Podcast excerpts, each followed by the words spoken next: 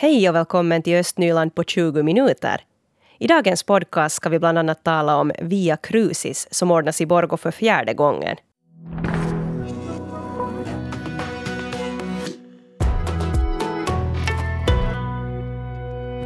Det är ännu några veckor kvar till påsk och långfredag men redan nu så är förberedelserna i full gång inför påskdrama Via Crucis här i Borgå. Och den här vandringen ordnas nu för fjärde gången. Mikael Helene Lund, han är kantor här i Borgå och han är ordförande för den här stödföreningen som står bakom den här passionsvandringen. Han är också kompositör och körsångare här under drama. Välkommen hit och god morgon. Tack, god morgon. Fjärde gången alltså som man ordnar nu via Crucis. Vad är nytt den här gången? Ja, den konkretaste nyheten är att vi startar från en ny plats. Vi har alltid brukat börja uppe på Näsebackens parkering, men nu kommer vi att samlas på åstranden nedanför Näsebacken i den så kallade kanonparken. Och jag tror att det här kommer att bli en förbättring för att åtminstone visuellt är det ett fantastiskt ställe när man kan agera där i sluttningen och publiken ser säkert också bättre än vad de har gjort tidigare. Mm. Och igår kväll så var det övningar på gång. Vad hände på övningarna igår? Det är fascinerande att uh, se hur en pjäs växer fram bit för bit. Varje rörelse, gest, betoning och tonfall ska uh, funderas på och sen övas in. Och, och sen ska slutresultatet ändå bli spontant och naturligt agerande. Ja det är nu det händer och det är fantastiskt att få vara med om den processen. Hur många språk kommer den här vandringen att gå på? Det är nog konsekvent svenska och finska. Och det, det är en av de huvudsyftena med hela det här evenemanget, att sammanföra språkgrupperna. Och, och där tycker jag att vi har lyckats väldigt bra. Att de flesta talar båda språken. Och, och eftersom händelserna är bekanta för alla så är, är det inga problem med att förstå vad det handlar om. Mm. Nå, omkring 200 Borgåbor och östnylänningar ställer frivilligt upp, berättar du här. Vad är det som du tror att motiverar och lockar med folk? Nu tror jag den här gemenskapen och att man upplever att man är med om något stort. Jag kan inte tänka mig något bättre sätt att tillbringa långfredagen än att gå en sån här vandring och jag är jättestolt över att vi i Borgå har skapat en sån här tradition. Det är inte många städer i Finland som har det. Och det är det bästa sättet att också eh, uppleva påskens händelser. Att vara med mm. och se hur det gick till då, för 2000 år sedan. Nå, vad ger en sån här vandring dig personligen? För mig som musiker har den största upplevelsen varit just det här att, att vi inte bara gör musik utan att faktiskt eh, agera med, känna och, och det där, se den där interaktionen och se hur det berör mig själv, mina medagerande men också publiken. Och där kommer ofta väldigt mycket respons om hur starkt det har berört. Mm. Kantor Mikael Helene Lund, hurdana reaktioner har du sett bland åskådarna? No, alla slags reaktioner. Mycket kommer det förstås eh, tack för, för musiken och för, för det här eh, har blivit berörd. Men, men sen eh, onekligen så har det ju också kommit det där reaktioner om att det var mycket våld. Och, för att det var det ju då när det gick av stapeln. Och, och det, här kunde jag passa på att påminna om att det här nog ändå inte är en pjäs för de minsta i familjen. För att, för att det är fråga om stora känslor och, och också våld. Det slutar illa på korset. Mm. Men samtidigt så tycker jag nog att den här pjäsen förmedlar mycket starkt den här budskapet att det slutar inte med döden, utan det följer en påskuppståndelse och glädje.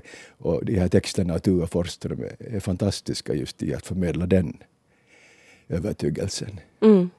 Hur lång tid ska man reservera för den här vandringen? Det går på en timme, mer eller mindre beroende på hur mycket människor det kommer. Att om förflyttningarna tar lång tid på grund av folkmassorna, så då tar det en dryg timme. Just det. Cirka en timme. Och vi hoppas förstås på mycket människor. Och på bra väder. Och på bra väder, det har nog en stor betydelse. Ja, ja. Nå, påsken är lite senare i år som vi konstaterar här före vi börjar den här intervjun, så vi får hoppas att det bidrar på ett positivt sätt. Det ska vi göra. Tack ska du ha, Mikael Helene Lund, för att du kom hit.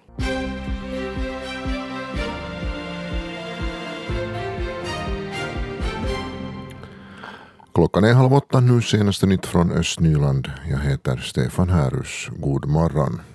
Och vi börjar i Mörskom där kommuninvånarna nu uppmanas att koka det vatten de använder i matlagning eller som dricksvatten. Det här eftersom det har hittats avföringsbakterier i ett vattenprov. Uppmaningen att koka vattnet gäller inte i Kankböle och inte heller på Lovisa stads område eftersom det finns en barriär mellan vattendistributionsnäten i Mörskom och Lovisa. Flera vattenprov togs igår och resultaten av dem kommer tidigast idag på eftermiddagen. Upplevelse och konferenscentret Poukama på Emsalö i Borgo, före detta Seikkailulaakso, utsattes för ett inbrott natten till igår. Det här skriver tidningen Östnyland. Det var det andra inbrottet på kort tid.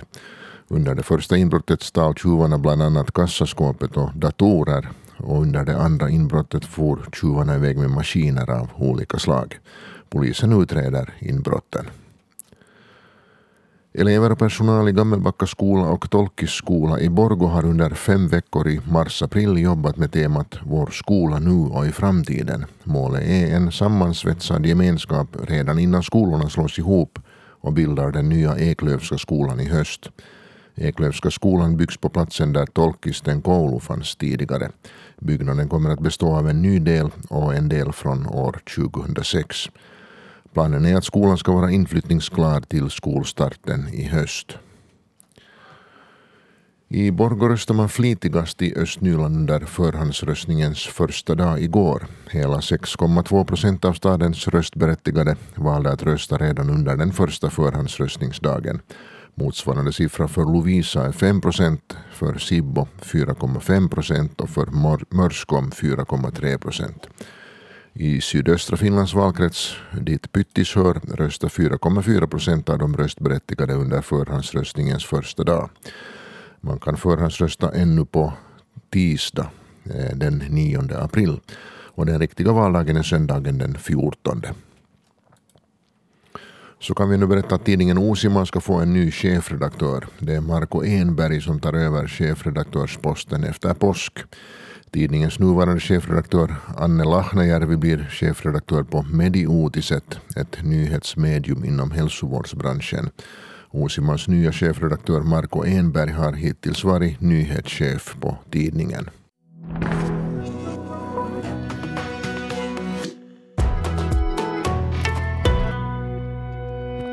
Olovlig frånvaro har ökat i de östnyländska skolorna och sån här frånvaro handlar det alltså om i det här fallet när det beror på stress eller andra problem. De här problemen kan vara svåra att upptäcka och det skulle vara bra med ökat samarbete mellan kommunerna för att kunna ge stöd i tid. Det säger Johannes Nygren som är rektor för Lyseiparkens skola i Borgo. Ser man på de senaste åren så kan man nog säga att den här olovliga frånvaron ökar lite. Eh, lovliga frånvaron så tycker jag att eh, man inte kan säga någon skillnad. Det har nog ungefär hållits på samma nivå. Det vill säga det är nu främst resor det gäller, det kan vara idrottstävlingar, i träningsläger och, och dylika. Men, men oftast inga problem. Men eh, de frånvaron som oftast börjar med, med någon form av sjukdom som man anmäler, alltså vårdnadshavarna anmäler, så, som sen leder till, till väldigt ofta förekommande sjukfrånvaron som, som är de här knepiga fallen, som nog lite ökar överlag. Men nu pratar vi alltså inte om brutet ben i samband med någon idrottsolycka, utan nu pratar vi om psykiska problem eller sånt jo. som kan bero på stress eller på jo. någon annan sån faktor. Hur tacklar ni de här frågorna eller den här situationen här i, no, i skolan? Det är ju ganska svårt att uh, hitta och komma fram till orsaken i och med att det börjar ganska sporadiskt och det, det, det kan hålla i sig ganska länge. Att man inte riktigt reagerar eller ser dem alltid. Att det, det är från en, en dag, någon, någon vecka till, till två dagar och månaden och så sakta men säkert lite, lite det där ökar. Vilket betyder att eh, det kan ha gått en ganska lång tid innan man, man reagerar och märker att här är någonting annat än, än själva sjukdomen som, som vårdnadshavare meddelar om.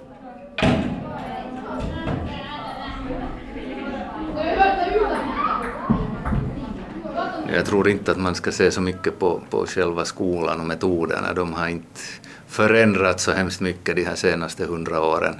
Kanske mera till det mänskliga och humana. Att, att där finns nog en, en annan, annan bakgrunds, eller andra bakgrundsfaktorer än själva undervisningen. Jag tror inte att varken pressen eller stressen, åtminstone i grundläggande, har ökat nämnvärt. Man, man frångår ju prov och, och, och liknande stressfaktorer numera. Och, och det är mera självständigt arbete och tänkande som ligger till grund för, för skolarbete nu än tidigare. Att, att där är ju kanske igen kraven, eller vad ska jag säga, nivån nu kanske inte höjts, men ändå finns det elever som inte så att säga når målen och vad det sen igen beror på så, så vet jag inte men, men jag tror inte att man ska peka fingret för mycket på skolan i det här fallet. I Esbo stad så finns det ju en speciallärare, Daniel Albrecht, som just jobbar med barn och unga som, som eh, ofta har, eller har mycket frånvaro. Eh, är det här någon väg man kunde gå här i Borgå eller Östnyland genom att närma sig, kanske med hemundervisning eller försöka sänka trösklarna på olika sätt? Jag tror att det är nog ditåt kanske vi, eller den väg vi måste ta, att på något sätt försöka samordna och hitta de här lösningarna för jag tror inte tyvärr att den här problematiken kommer att minska i framtiden och då skulle det vara bra nog att på något sätt samordna. Är det då fråga om Borgo eller är det fråga om ett större område, Louise och Sibbo till exempel också, eh, någon form av koordinering på hur, hur man går, går vidare. Varför tror du att den här problematiken kan öka eller kommer att öka? Svårt att säga. Jag tror att samhället har förändrats. Pressen på, på unga vuxna har ökat. Inte bara kraven. Sen ser man kanske annorlunda på utbildning idag än man gjort tidigare. Det är svårt att säga. Problemen är säkert många. Och det konstaterar här Johannes Nygren som är rektor för Lyseiparkens skola i Borgo. Han intervjuades av Leo Gammals. Och rektorn för Kungsvägens skola i Sibbo, Jouni Piippo, han eh, säger att den olovliga frånvaron har hållit sig på ungefär samma nivå i många år i skolan, men att fler vårdnadshavare ansöker om lov för resor och privata engagemang. Elever som idrottar och tävlar på landslagsnivå kan ha mycket frånvaro men ordnar undervisningen på annat sätt i samråd med idrottsförbunden. Av de omkring 350 elever som går i Kungsvägens skola i Sibbo så är det en handfull som lider av sådana problem som ofta har lett till återkommande frånvaro. Och även i Sibbo så handlar det om ett fåtal elever med psykiska problem eller inlärningssvårigheter. Och de kräver särskilt stöd och behöver specialundervisning. En artikel med en hel del information som inte var med här i inslaget kan ni läsa här på svenska.yle.fi östnyland.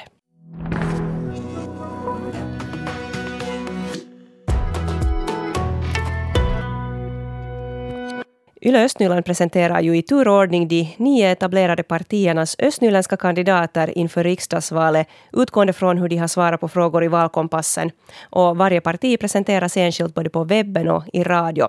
Utöver det här så har vi ordnat två östnyländska valdebatter och de finns också nu på webben i sammanfattad version. Det var i februari som vi skickade e-post till de nio partierna och bad dem rekommendera en till tre kandidater som talar svenska. Och partierna fick själva ställa kandidaterna i prioritetsordning. Vår önskan var då att kandidaterna i fråga skulle bo i någon av de kommuner som vi bevakar, alltså Sibbo, Borgå, Lovisa, Lappträsk, Mörskom eller Pyttis. Och om inte partierna hade svensktalande kandidater så fick de istället rekommendera finskspråkiga kandidater som vi kan intervjua. Och nu har vi kommit fram till De gröna. Eh, vilka, Hedvig Sandell, är de gröna kandidaterna i Östnyland nu? Det är Tuuli Hirvilami från Borgo, Janne Länsipuro från Lovisa och Marketta Mattila och Katarina Souri från Sibbo. Och nu har du då fokuserat på tre olika frågor där du jämförde de här kandidaternas åsikter. Vilka frågor var det? Eh, frågorna är som sagt tagna från Yles valkompass. Och den första handlar om huruvida Finland borde skynda med att förbjuda försäljningen av nya bensin och dieseldrivna bilar. Den andra handlar om huruvida familjeledigheterna borde förnyas så att de delas jämnt mellan föräldrarna. Och den tredje frågan handlar om huruvida läroplikten borde utvidgas så att den gäller också yrkesutbildningar och gymnasier. Och det jag i det stora hela kom fram till är att de östnyländska gröna riksdagsvalskandidaterna har en liknande syn på den första frågan, men att deras meningar går isär i den andra och tredje frågan. Okej. Okay. Nu om vi då börjar med den här första frågan som då gäller försäljningen av nya bensin och dieseldrivna bilar, så vad tycker de där? I den frågan tycker de alla att Finland borde påskynda försäljningsförbudet av de här bilarna.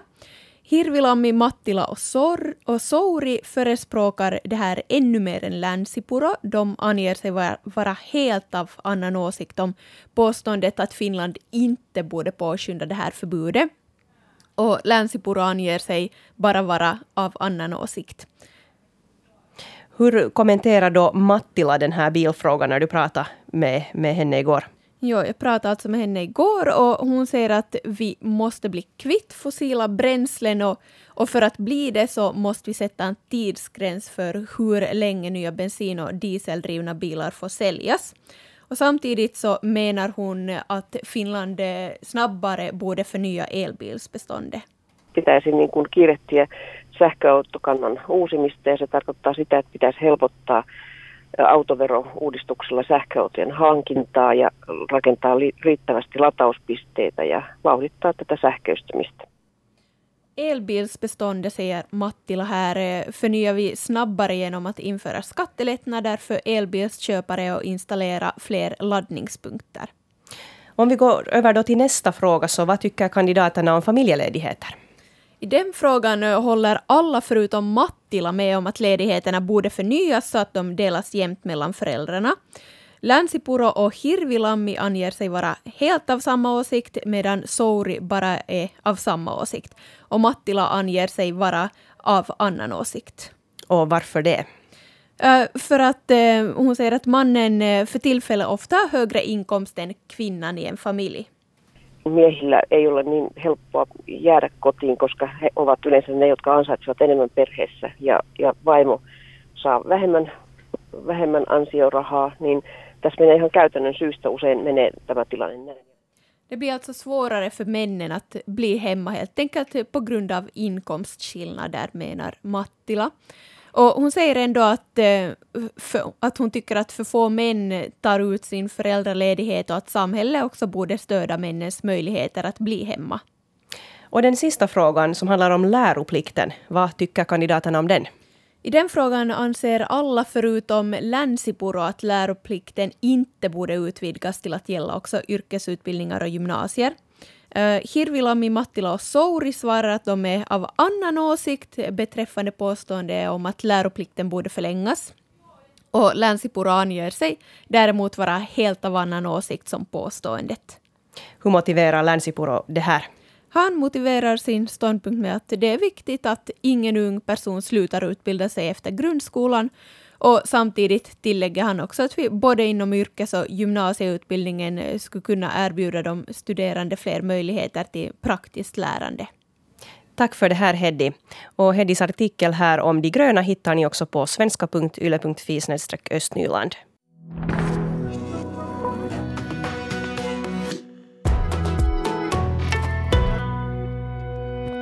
Det börjar vara bråttom nu, Hedvig Sandell, vår morgonreporter, om man vill lämna in sin låt till den här MGP-tävlingen för 8-15-åringar. Jo, imorgon fredag är det deadline, sista dagen för att skicka in ett bidrag till, till M MGP, alltså Melodi Grand Prix-tävlingen, som ordnas i oktober igen i år. Och det är alltså 8 till 15-åringar som får eh, skicka in bidrag. Så de som är födda eh, mellan 04 och eh, 11 uh, eh, och de kan då skriva en låt och skicka in den senast imorgon. Och, um, och, och vill man inte skriva en låt men uh, vad heter det, eller vill man skriva en låt men inte stå på scenen så kan man också göra det. Och sen värma, värva en kompis som sjunger bra och så kan man skicka in bidraget tillsammans. Mm. Och eh, ja, sen väljs då tio artister eller grupper ut och de tävlar i, sen i den direktsända finalen i höst.